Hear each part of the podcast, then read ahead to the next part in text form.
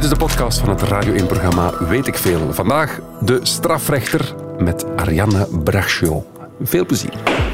Radio 1. Weet ik veel met Kopen Ilse. Heel goedemiddag. Oh, balen. Die basketbalwedstrijd. Balen, balen, balen. Maar bon, de plicht roept. Dus doen we een aflevering Weet ik Veel. Niet zomaar een aflevering. Herkent u de muziek nog? Van de reeks Recht op Recht vroeger. Het gaat over recht vandaag. Niet aan de kant van de onderzoekers of van de advocaten, maar die andere kant. Die strenge meneer of die strenge mevrouw met de hamer.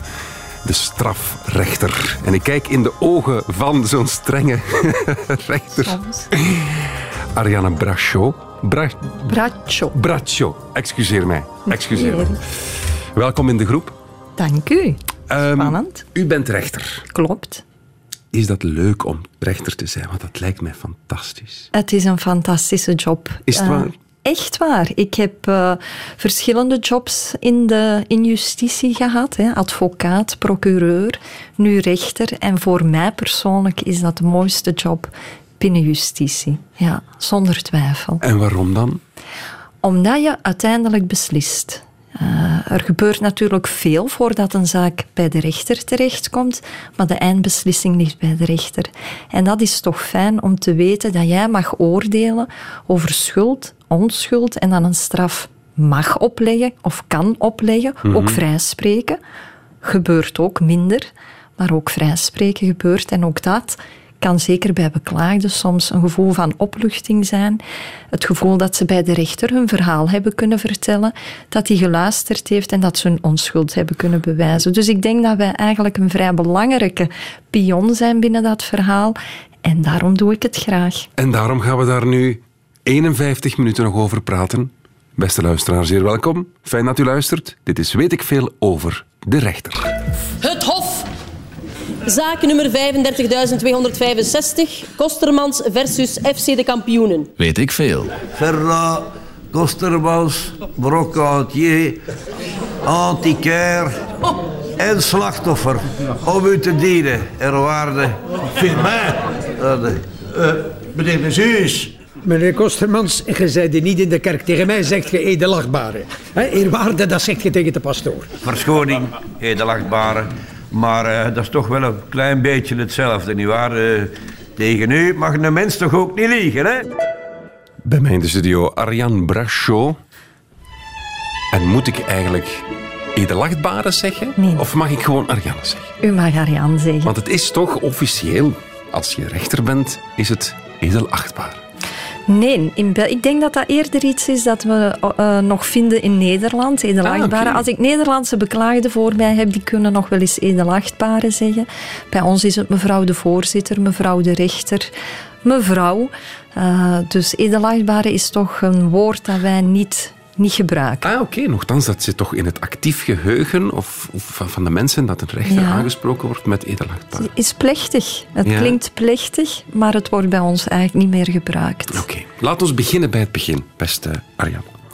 Ik ben 12 jaar en ik wil graag rechter worden. Ja. Hoe ziet mijn parcours er dan uit?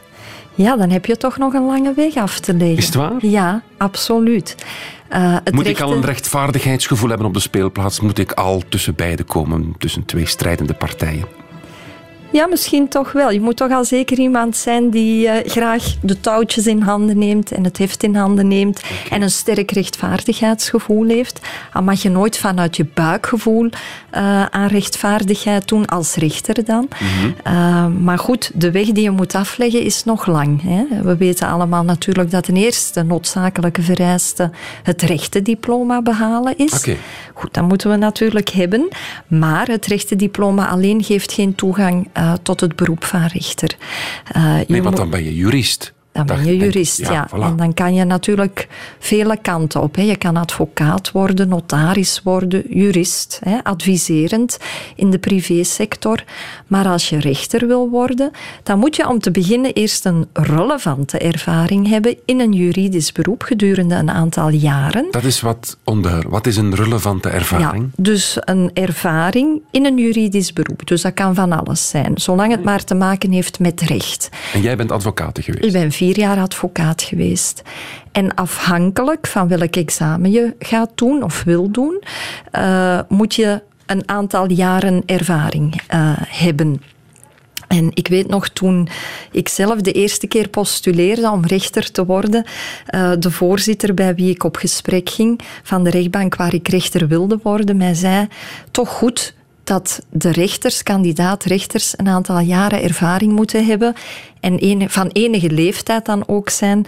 Want een kras op je ziel hebben, uh, dat helpt om, om, een goede rechter te zijn. Hè? Want wij oordelen toch over heel veel situaties, hè, moeilijke situaties, emotionele situaties, over mensen.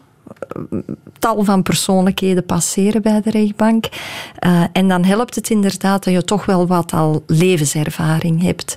Dus je moet ervaring hebben, juridische ervaring. Mm -hmm. En afhankelijk uh, van het examen dat je wilt doen, lopen de jaren op. Uh, maar dan moet je ook nog het examen dus doen. Het examen van... Van de magistratuur, ja. En wat voor vragen zijn dat dan? Ja, we hebben drie soorten examens. Uh, en die examens, ik vergelijk dat altijd een beetje met de examens die, die toegang verlenen tot de, tot de geneeskunde, of de studies van geneeskunde en tandheelkunde. Om maar te zeggen, het zijn moeilijke examens. Dus hè. bijvoorbeeld artikel 1382 uit het wetboek, wat zegt dat precies? Uit het burgerlijk wetboek. Burgerlijke wetboek. Ja, ja. Dat, is de, dat is de burgerlijke aansprakelijkheid, dacht ik. Hè? Ja, goed komen. Ik heb ooit eens een les recht gehad. Hey, ooit, lang geleden. Wauw. De journalistiek krijg je recht om dan mensen te kunnen Eén interviewen. van de kernartikelen uit uh, ons burgerlijk wetboek. Uh, nu, dat examen, zoals ik al zei, we hebben er drie soorten. Als je twee jaar ervaring hebt in een juridisch beroep, dan kan je het examen uh, meedoen dat toelating uh, geeft tot de gerechtelijke stage. Dus dan moet je ook eerst nog eens een stage doen. Mijn god. Ja, van twee jaar ook. Betaald? Uh, wel betaald, oh ja, ja. Maar niet te vet misschien? Mm, toch beduidend minder dan uh, eens je benoemd bent. Ja, ah, ja. ja. En dan kan je je kandidaat stellen voor het ambt van rechter. En begin je dan onderaan de ladder als vrederechter, dat lijkt mij zo, of snelrecht, dat lijkt mij zo de minst belangrijke zaak. Ja, dat is toch helemaal fout gezien. Is het waar? Ja. ja. Ja, eigenlijk wel. Um, Want je, wij hebben je wordt in... niet direct assiserechter, denk ik. Hè? Nee, nee. En dat is ook een, een ad hoc recht, of een ad hoc hof, rechtbank. Uh, het assisehof zetelt niet permanent. Hè. Dat is eigenlijk een, een rechtbank die samengesteld wordt wanneer een moord vervolgd wordt. Ah, ja, okay. uh, en waarbij we een gemengde zetel hebben van raadsheren, hè, dus rechters in graad van beroep, en uh, rechters uit de rechtbank van eerste aanleg. Als je begint als rechter, dan kan je kiezen waar je kandidaat bent. Wil je naar de rechtbank van eerste aanleg? Dat is de meest evidente keuze. Wat voor zaken komen daar terecht? Ah, eigenlijk alles. De rechtbank Ah, van eerste aanleg die heeft volheid van bevoegdheid, zal ik zeggen. Eigenlijk, dat is de mastodontrechtbank. Dat is de rechtbank die de meeste materies behandelt. Dus ik heb Uh, iemand iets, of ik ben in het zak gezet, ik ga klacht indienen, dat wordt onderzocht en dan komt dat voor de rechtbank van eerste aanleg. Ja, dat is het strafrechtelijk laak. Hè. Hebben een, een, een burgerlijke afdeling, hè, want iedereen is heel erg, vanuit de media is men heel vaak gefocust op dat strafrecht, hè, omdat dat natuurlijk het meeste publieke opinie bezighoudt. Maar ik heb heel veel collega's die, die zich uh, met heel moeilijke dingen uh, bezighouden, die misschien wat minder tot de verbeelding spreken, maar waaronder familierecht. Scheidingen. Die, dat echtscheidingen, omgangsrecht met kinderen, zeer emotioneel geladen, vaak moeilijke dossiers. Jeugdrechtbank valt ook onder de rechtbank van eerste aanleg. Beslagrecht, uh, contractenrecht. Uh, dus wij, wij doen op de rechtbank van eerste aanleg toch heel veel. Ja, ja, ja. Uh, maar je kan ook uw kandidaat stellen voor de ondernemingsrechtbank. Dat is de rechtbank die zich uitsluitend bezighoudt met uh, discussies tussen uh, ondernemers, hè, zelfstandigen, mensen die in het zaken...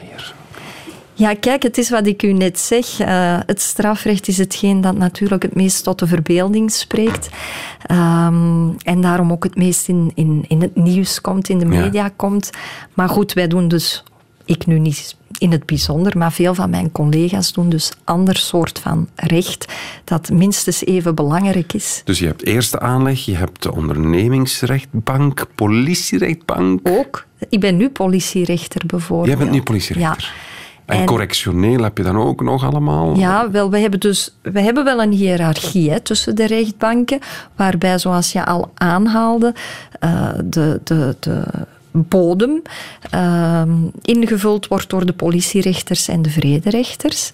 Eh, en het hoogste is natuurlijk het Hof van Cassatie bij ons. Ja. En daartussen zitten dan de rechtbanken van eerste aanleg, de hoven van beroep, de arbeidsrechtbanken, de ondernemingsrechtbanken. Ehm, dus er is een zekere hiërarchie tussen die rechtbanken, dat klopt. Zit jij op de leukste plek, politierechtbank? Ik ben een gepassioneerd politierechter. Wat zijn de clichés die over rechters bestaan? Goh, veel, denk ik. Dat wij te mild straffen of te streng. Wereldvreemd? Dat wij in een ivoren toren leven. Dat is niet zo. Ik heb geen toren. Ik leef op het maaiveld. Wij zijn ook lui. Wij werken helemaal niet hard genoeg. Het lijkt alsof dat wij onder een stolp leven, terwijl wij natuurlijk ook een familie hebben, een sociaal leven hebben. Ja, naar verluid zijn jullie mensen. Hè? Toch wel, hè? Ja, een sterke reeks in, op Canvas met eh, Gilles de Koster geweest. En één van de stemmen herkent u misschien vandaag ook hier in de studio, Arjan Brascio. Strafrechter, politierechter in Genk. Klopt. Hoeveel vrouwen zijn eigenlijk rechter? Wel. Klopt het dat, dat, aan het, dat, jullie, dat de, de meerderheid is ondertussen? Het zal toch eh, minstens 50-50 zijn. De, de, de magistratuur is sterk vervrouwelijkt. Ja, toch dan? En ik denk dat vandaag de dag 60 à 70 procent van de kandidaten vrouwen zijn. Ja. Dus we hebben een opmars eh, gedaan. Als je ziet waar we historisch van komen op korte tijd, is dat toch wel opmerkelijk. Ja, want klopt het dat, dat het nog niet zo lang is dat een vrouw rechter mag zijn? Nee, de eerste vrouwelijke rechter is in 1948 benoemd. Waanzin. En, en als je kijkt, in, in 1876 zijn de universiteiten opengegaan voor vrouwen in België. Het heeft dan nog tot, eh, tot 1888 geduurd eh, totdat een eerste vrouw haar rechtendiploma heeft behaald. Uh, maar dan ook nog eens tot 1922, vooraleer vrouwen aan de balie mochten gaan, dus advocaten mochten worden. En dat, de wet alleen, hè, er moest een wet voorgemaakt worden om vrouwen toe te laten tot de balie. En die wet alleen was niet genoeg, want ook de echtgenoot moest nog toelating geven aan zijn vrouw om advocaten te mogen worden. Ja. En dat heeft geduurd tot 1958. Dus dat is, als we dus alles bekijken nu waar we zitten met de vrouwen in de magistratuur aan de balie, eh, dan komen we dus van ver eh, met de eerste vrouwelijke rechter, eh, Geneviève, nu moet ik eens even nadenken, Geneviève. Pefchin. Dat is een geweldige quizvraag bij Radio 1-luisteraars. Zijn er van die mensen ongetwijfeld die in parochiezalen zitten? Ja. De allereerste vrouwelijke, Vrouwelijke rechter in België. ja. Geneviève. Pefchin, die, die in 48 rechter geworden is bij de rechtbank van Eerste Aanleg in Brussel en later ook nog raadsheer of raadsvrouw bij het Hof van Beroep in Brussel. En, en toch een heel bijzondere dame was. Eh, iemand die eh, een, een, een Joods-Russische vader had Ehm, en noodgedwongen door de Duitse bezetting is moeten stoppen met haar activiteiten als advocate. Maar dan eh, in het ondergrondse verzet is gegaan. En eh, daar zeer actief was. eh, tot zij in 1943 door de Gestapo werd gearresteerd voor haar eh, activiteiten als lid bij het verzet. Eh, en ook haar betrokkenheid trouwens bij eh, de moord op, op eh, een gekende collabora- collaborateur, sorry, Paul Collin. Dat was de hoofdredacteur van, een, van, van twee tijdschriften die, die aanleunden bij de Duitse bezetter. En die, die vermoord is geworden. Dus Eh, de, de eerste vrouwelijke rechter heeft een moord op haar geweten. wel, ze is er alleszins door de Gestapo voor, voor opgepakt en ze heeft gevangen gezeten, ook tot 1945, totdat, eh, totdat ze bevrijd is. Is een vrouw een betere rechter, denk je? Nee. Nee. Nee. Empathie, Nee, want je ik zei zou niet in helemaal clichés willen denken. van de aflevering zei je, empathie is belangrijk. Ja, en die kunnen zowel vrouwen als mannen hebben. Maar zijn, eh, zijn vrouwen niet, misschien iets menselijker in, in hun oordeel? Ja, menselijker. We kijken in de eerste plaats naar de wet. Ja. En we kijken, is de wet overtreden of niet? En of je nu een man of een vrouw bent, dat oordeel zou hetzelfde moeten zijn. ja, maar de strafmaat wordt door Maar de de rechter... strafmaat is natuurlijk goed. Daar kunnen allerlei persoonlijke factoren, zoals misschien geslacht, wel bij meespelen. Hmm. Helaas misschien, hè, want dat geeft ook aanleiding tot, tot verschillende straffen voor zelfde misdrijven. Goed, laat ons even naar die rechtbank gaan. Jij zit daar Ja, op een verhoog. ook nog altijd. Waarom is dat eigenlijk? Want dat, dat geeft zo'n beeld van ik zit hier en ik heb alles te zeggen over jou. En ik kijk neer op u. Ja, Ja. waarom is dat? Goed, we hebben zo ook het overzicht over de zaal natuurlijk. hè. Eh, maar het is zeker zo dat wij als rechter degene zijn in de rechtbank die, die goed het gezag uitoefenen. En, die, eh, en, en wij houden natuurlijk ook toezicht op onze rechtszaal. En het is naar ons dat gesproken wordt. Mhm. Als wij natuurlijk allemaal op dezelfde, op dezelfde hoogte zitten, eh, dan lijkt het mij wat moeilijker om datzelfde gezag uit te oefenen. Dus het Ja, heeft er zeker mee te maken. Wat doet dat met een mens om te weten, ik ben rechter, ik zit hoger en ik ga over u oordelen? Ik kan me voorstellen dat dat een bepaald machtsgevoel geeft en dat het eigenlijk ook wel... Dat misschien sommige mensen daar met een beetje de verkeerde intentie zitten. Van, ik heb macht, ik, heb, ik, ik kan hier mensen in de bak steken, ik kan hier mensen beboeten. Ik heb die macht. Je hebt zeker macht, hè, omdat je moet oordelen over, als strafrechter dan, schuld, onschuld. En vooral de straf die uiteindelijk wordt opgelegd. Het is toch een ongelooflijke verantwoordelijkheid. Ja, maar wij zijn daar natuurlijk voor opgeleid. En wij, eh, wij doen dat niet vanuit een buikgevoel, zoals ik daarnet al zei. Dus je hebt macht, maar ik kan mij niet inbeelden dat, mijn, dat ik zelf zeker niet en ook mijn collega's niet. eh, macht laten meespelen in hun oordeel. Wij zijn objectief. wij Ja, zijn- maar dan kijk je naar een programma als de rechtbank. Ja, En dan per toeval passeren misschien twee verkeersovertredingen 30 km per uur te veel op de autosnelweg. Ja. Een gelijkaardige excuses, eh, pleidooi, bla bla bla. Ja. En dan gaat rechter X twee weken rijverbod geven en een boete van 500 euro, ik zeg zomaar iets. Ja. En rechter Y, met eigenlijk exact dezelfde gegevens, gaat zeggen: ik kom voor één keer, het is goed, enkel 300 euro gerechtskost. Dus recht is niet objectief. Dus de mens bepaalt toch, de rechter bepaalt toch meer dan enkel schuld of onschuld. Ik ben het er niet helemaal mee eens. In die zin, als je eh vonnissen gaat lezen of arresten gaat lezen, dan ga je zien dat eigenlijk elke rechter quasi dezelfde criteria, objectieve criteria hanteert om een straf op te leggen. Hè. We hebben de aard van het misdrijf. Gaat het om een gewelddelict? Gaat het om een vermogensdelict? Hè, daar kan de straf al anders zijn. Ja. Gaat het om, om eh, is er persoonlijk leed veroorzaakt, ja of nee? Dus die criteria zijn objectief. Dat dan invullen is natuurlijk iets eigen aan de rechtbank, ah, aan de rechter. Ik denk bijvoorbeeld, wa- wat ik vaak aanhaal, is de jonge leeftijd van een dader. Hè. Veel van mijn collega's zijn geneigd om, om jonge daders misschien milder te straffen. Ehm, ik zelf ben eerder van oordeel dat je daar misschien van kan, vanuit kan vertrekken. Maar als dat iemand is die op zijn strafregister al een, een maatregel van de jeugdrechtbank heeft staan, als hij bij mij verschijnt voor zeer ernstige feiten, met geweld, met persoonlijk leed veroorzaakt, dan vind ik dat zo'n jonge leeftijd eigenlijk eerder in zijn nadeel speelt. Maar dat is mijn punt. Jij gaat dat dan interpreteren anders dan jouw collega dat doet. Collega rechter. Misschien wel, ja. Niemand wil in Dendermonde voor de politierechtbank komen, want daar zit iemand blijkbaar die super streng is. Dan is het recht toch niet overal hetzelfde? Dat vind ik een raar idee. Goed, dat, je dat hebt ik, de kans als ik in Dendermonde 120 per uur rijd... Op Dan een, mag je dat in Dendermonde niet doen. maar dat, is, dat klopt toch niet? Goed, je kan in beroep gaan. Hè. Tegen elk vonnis kan je in beroep gaan. Dan komen we mee op de Dus- stapel. Dus, nee, dat, nee, dat denk ik niet. Eh, Wij zijn eerste lijnsrechters en dat maakt het ook makkelijk. Hè. Ik heb ook altijd zeer bewust gekozen om een eerste lijnsrechter te zijn. Mhm. Dat geeft je een beetje de comfortabele positie als ik het mis moest hebben of als ik te streng moest zijn of men vindt dat, dan kan men nog altijd in graad van beroep de uitleg opnieuw gaan doen en als mijn beslissing dan hervormd wordt, goed, dan was ik fout Heb of dan was ik te streng. Heb je je ooit vergist? Heb je ooit een onschuldige de pak ingedraaid?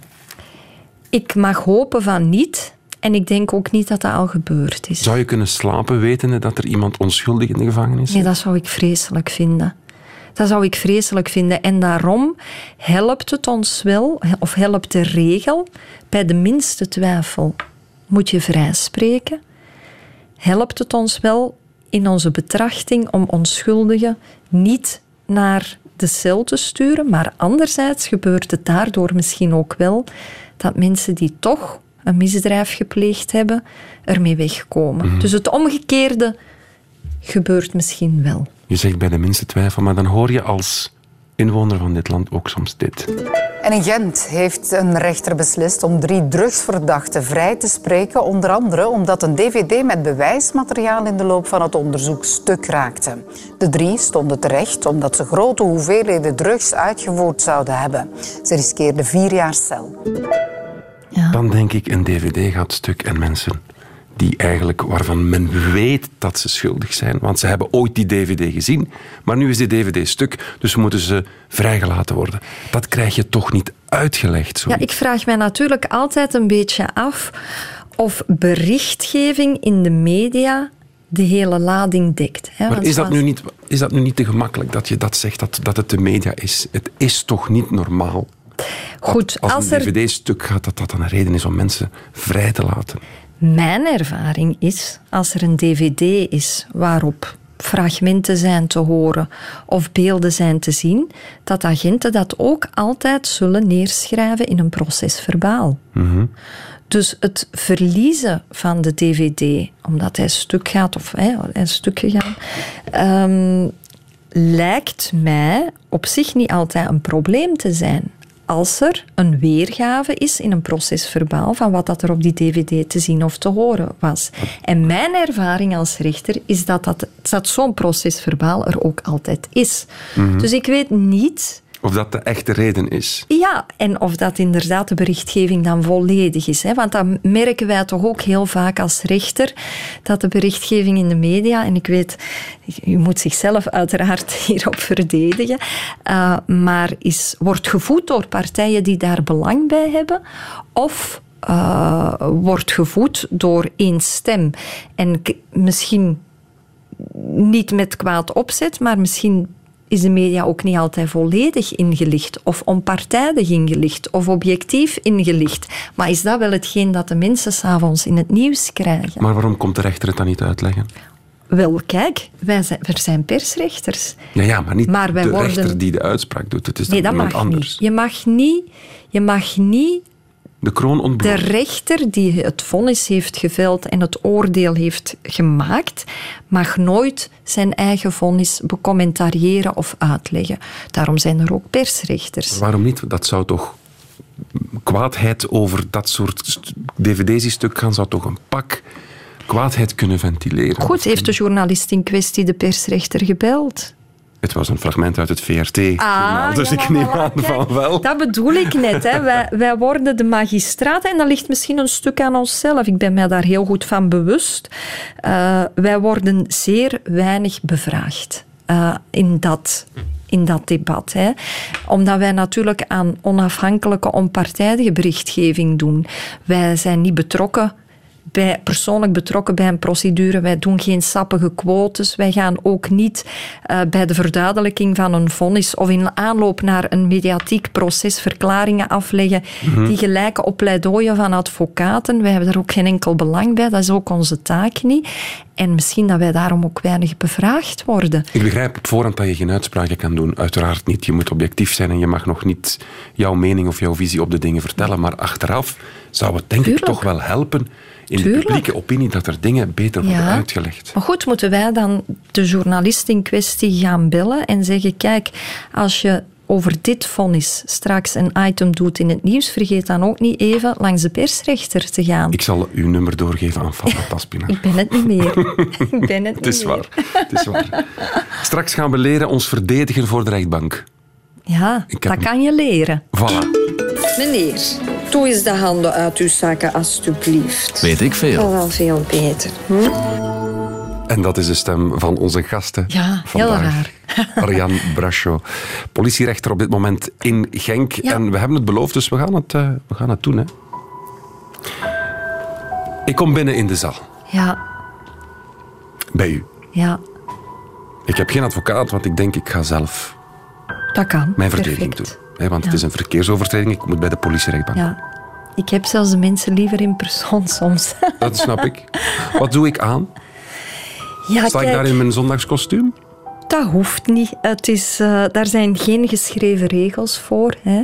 Eh, ergens in, in, in de wet staat wel dat je onbedekt, hè, het hoofd niet bedekt, Ah, de rechtszaal zou eh, of moet betreden.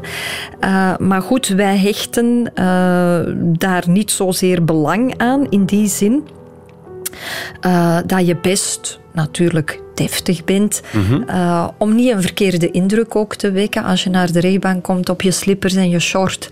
Frans, dat, dat zou eigenlijk geen enkel effect mogen hebben. nee, maar het geeft een eerste indruk. Voilà. Eh, maar gaat dat bezig. uiteindelijk meespelen bij, bij uw, uw schuldvraag, beoordeling van uw schuldvraag of bij uw strafmaat? Nee.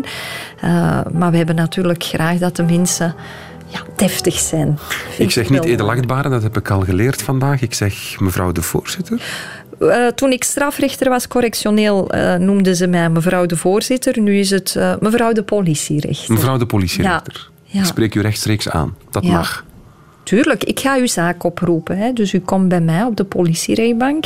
Ik roep uw zaak op, ik roep uw naam af. Ehm, en ik ga uw identiteit na. En dan vraag ik u, meneer, weet u voor welke feit u hier vandaag terecht staat? Zeer zeker. Ik, eh, ik reed 140 waar het maar 120 mag. Waarom was u zo gehaast? Goh. Moet ik excuses beginnen verzinnen? Of, Nee, liefst niet, want al die buikoperaties, wat is het, die, die, die maagverkleiningen, die zijn, het toiletbezoek, ja, die kennen we ondertussen wel. Maar dat Eh, zou misschien wel eens kunnen. Iemand met chronische buikloop kan misschien wel heel snel moeten Dat geholpen worden. Dat kan, maar als je dat hebt, heb je dat langer dan, het, dan op het ogenblik dat je achter het stuur kruipt. Dus als je weet dat dat een probleem gaat zijn, blijf je gewoon beter thuis. Mhm. Ehm, wat, zijn, wat zijn zo de, de, de zotste excuses dat mensen verzinnen? Wel, eh, de buikloop, hè, het toiletbezoek, voor, het, voor te snel rijden. Eh, heel vaak eh crisissituaties hè, thuis. Eh, een kind dat, dat ineens naar de spoed moet. Eh diabetespatiënt en ik was mijn insuline vergeten. Dus heel vaak medische redenen. Of en als ze dat dan kunnen bewijzen met een doktersattest, is dat dan niks om rekening mee te houden? Mm, Nee, in die zin, wat, wat horen wij vaak, of wat hoor ik als politierechter bijvoorbeeld heel vaak bij mensen die vervolgd worden voor het rijden onder invloed van alcohol? Eh, ah, ik heb een maagverkleining gehad en dat heeft een effect op de alcohol, de versnelde alcoholopname in mijn bloed. Ja, goed, maar als dat zo is, en dat blijkt ook zo te zijn, ja, dan moet je ofwel minder drinken, ofwel niet drinken, ofwel als je gedronken hebt, niet achter het stuur kruipen. Dat kan misschien allemaal wel zijn, maar dat is voor mij geen reden. Oké, maar andere situatie. Mijn vrouw is aan het bevallen. Ik wil zo snel mogelijk in dat ziekenhuis zijn. Dat zou een reden kunnen zijn. Daar zou ik als politierechter met het juiste medische attest dat uw stelling staaft, hè, ondersteunt, daar zou ik rekening mee kunnen houden. Helpt het dat ik, als ik mij excuseer, dat ik zeg van ja, ik heb te snel gereden, mijn excuses, ik zal het nooit meer doen. Wel, ik heb Helpt toch dat? liever iemand die zich excuseert, want dat, dat wil ook zeggen dat je toch schuldinzicht hebt, dan iemand die zegt van, ja goed, voert, hè, eh, u doet. Maar zo heb ik er ook. Hè. Zo komen er ook mensen naar de rechtbank die zeggen, u gaat mij toch straffen, het is altijd hetzelfde. Niemand luistert naar mij.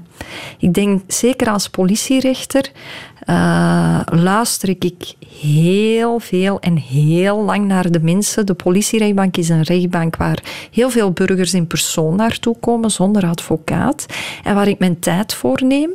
Iedereen krijgt bij mij de gelegenheid om zijn persoonlijke toestand uit te leggen. Meneer, mevrouw, uh, wat is uw inkomen? Werkt u, werkt u niet? Wat is uw inkomen? Wat is uw familiale toestand? Zijn er Mhm. schulden, geen schulden? Allemaal in de opbouw naar wat is dan uiteindelijk een geschikte Dus straf. als ik zwaar in de schulden zit, mag ik sneller rijden. Nee. Ga ik misschien rekening houden met uw financiële toestand om een gepaste geldboete op te leggen? Niet als u bij mij komt de derde keer op één jaar tijd. Goed, dan moet u op de blaren zitten. Maar iemand van 55 jaar die een blanco strafregister heeft en die bijvoorbeeld 100, 100 zal ik zeggen, of 110 rijdt op een autosnelweg waar je tijdelijk 70 mag rijden omwille van de wegenwerken. Ja, en die dan bij mij komt, hè, geldboetes kunnen heel hoog oplopen, Mhm. rijverboden kunnen heel hoog oplopen. En als die man dan tegen mij nog eens zegt, ja mevrouw de rechter, ik zit eigenlijk ook nog eens in een moeilijke financiële situatie, want ik betaal onderhoudsgeld, ik heb een faillissement achter de rug, dan doe ik misschien toch wel wat meer met de geldboete, misschien dan een beetje een langer verval. Ja. Dus ik houd daar rekening mee. Ja, ik hou met alles rekening. Maar dan botsen we toch weer op het principe, en Eva reageert ook zo. Als het recht objectief is, hoe komt het dan dat er bijvoorbeeld in beroep anders wordt geïnterpreteerd of een andere straf wordt opgelegd dan een eerste aanleg? Het, hetzelfde met wat jij nu vertelt. Als iemand zegt, ja, Ja. kijk, zo garme ik, ik zit in de schulden. Ja. Dat, eigenlijk zou dat toch niet... Ik begrijp dat dat wel Ja. invloed heeft, maar dat zou toch in principe niet kunnen of mogen? Nu, de, de beroepen is natuurlijk een heel specifieke situatie. Eh, ik ben zelf rechter in beroep geweest tegen politievonnissen hè, in mijn vroeger leven. En wat zien wij dan heel vaak, en ik vermoed misschien dat dat voor mijn collega's op het Hof van Beroep ook zou...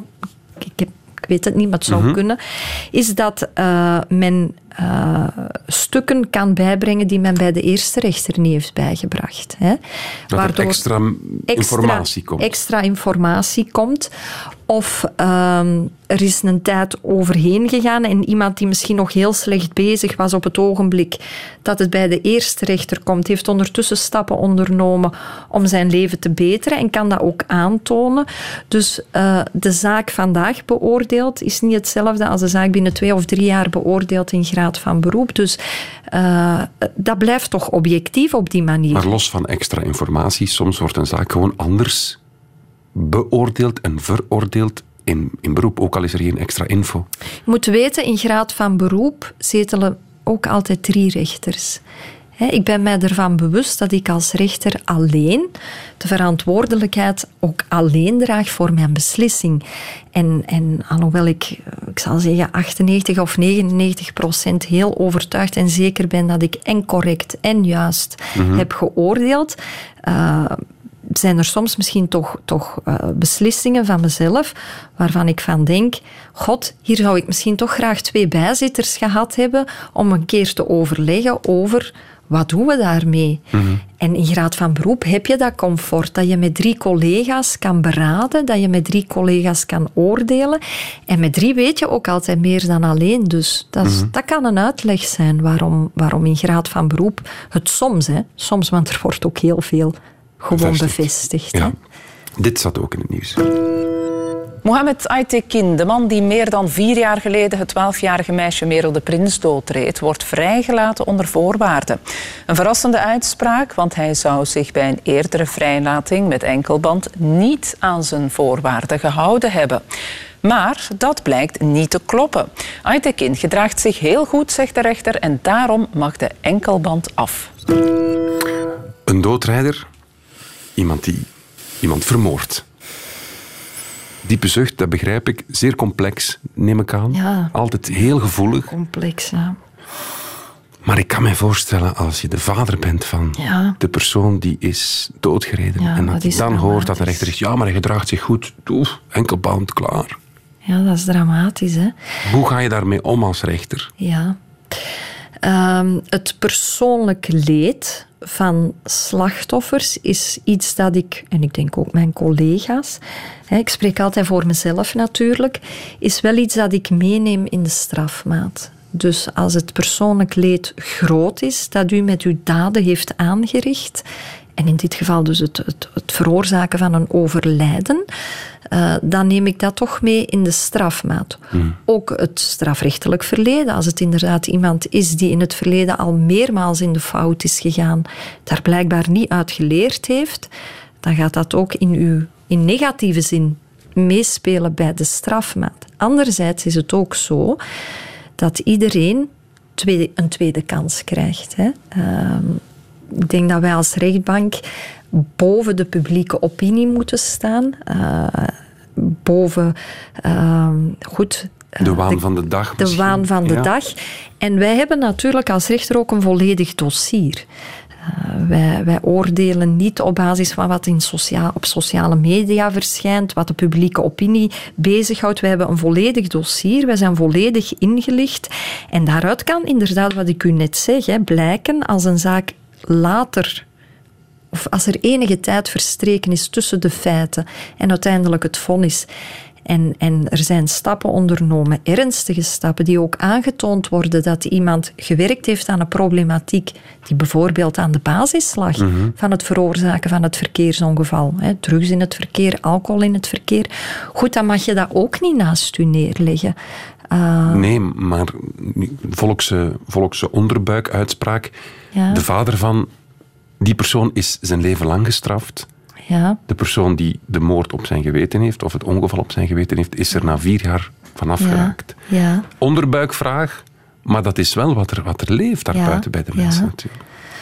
Ja, dat begrijp ik. Uh, nu, ik stel mij soms wel de vraag in hoeverre strenge straffen uh, ook leed compenseren. Ik weet niet of dat een strenge straf altijd, en dat wijst de tijd uit, denk ik, hè, uh, verzachtend dat begrijp werkt. Ik, maar straffeloosheid gaat de pijn alleen maar vergroten. Ja, maar dat is geen straffeloosheid. Hè. Het is niet uh, omdat de enkelband af mag. Er is ten eerste een, een, een, een schuld vastgesteld. U bent mm -hmm. schuldig aan dat misdrijf en u heeft een straf gekregen. Um, dus er is geen straffeloosheid. Ik denk niet, dat zijn toch dingen die je niet mag verwarren.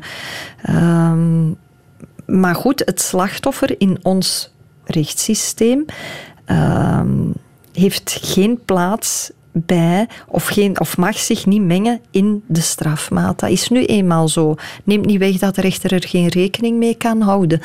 Uh, en, u mag ook niet vergeten, in ons verkeersrecht zijn de straffen niet van die aard mm -hmm. dat wij levenslange gevangenisstraffen kunnen opleggen. Begrijp ik. Het woord is gevallen straffeloosheid. Is dat iets... Want kunnen we dat wel zeggen, dat wordt ons toch langs alle kanten gezegd, dat de Belgische justitie dat dat toch een ziek beestje is. Ja, ja, ja. Ik, ik, ik zie u bedenkelijk kijken. Ja. ja Straffeloosheid is, is, er bij momenten. Oké, okay, we zien dan de media-aanpak van een zaak. We zien natuurlijk niet het hele dossier. Maar is dat het grootste probleem op dit moment? Wel, we hebben nu een minister van Justitie die werk gemaakt heeft van de uitvoering, of werk aan het maken is. Er is een wetsontwerp over de uitvoering ook van de korte straf. Want die straffeloosheid gaat vaak over het feit dat korte straffen niet of, of alternatief worden uitgevoerd. Er is nu een wetsontwerp uh, om daaraan te remediëren. We zullen zien wat dat op termijn gaat opleveren. Maar ik ik ben er zelf persoonlijk van overtuigd. Waarom? Omdat ik ooit iemand bij mij in de rechtbank had uh, die geen blanco strafregister had, die dus al uh, meermaals veroordeeld was, maar eigenlijk nog nooit zijn straf had moeten uitzitten. Daar word je toch woest van als rechter? Ja, daar word ik natuurlijk woest van. En, en natuurlijk, de misdrijven die hij gaat plegen worden ook ernstiger. En dan op een bepaald ogenblik wordt, je toch in voorlopige, wordt hij in voorlopige hechtenis geplaatst. Hè. Dat is dan in afwachting van uw proces. En die man komt bij mij op de rechtbank en die zegt... Ja, ik heb nu voor de eerste keer in de gevangenis gezeten in het kader van de voorlopige hechtenis. Ik denk als ik dit twee jaar geleden al had meegemaakt uh, bij mijn eerste of mijn tweede vergrijp, dat ik mij er nooit meer aan gewaagd had. Want dat heeft zo'n diepe indruk op mij gelaten. Dus, Dus in die zin... ehm, Maar Arjan, je, kan, je bent rechter. Ja, Je hebt verteld dat je dat van jongs af aan had, een rechtvaardigheidsgevoel. Ja. Je gaat rechten studeren, je wordt advocaat, je gaat bijstuderen, want je wil rechter worden.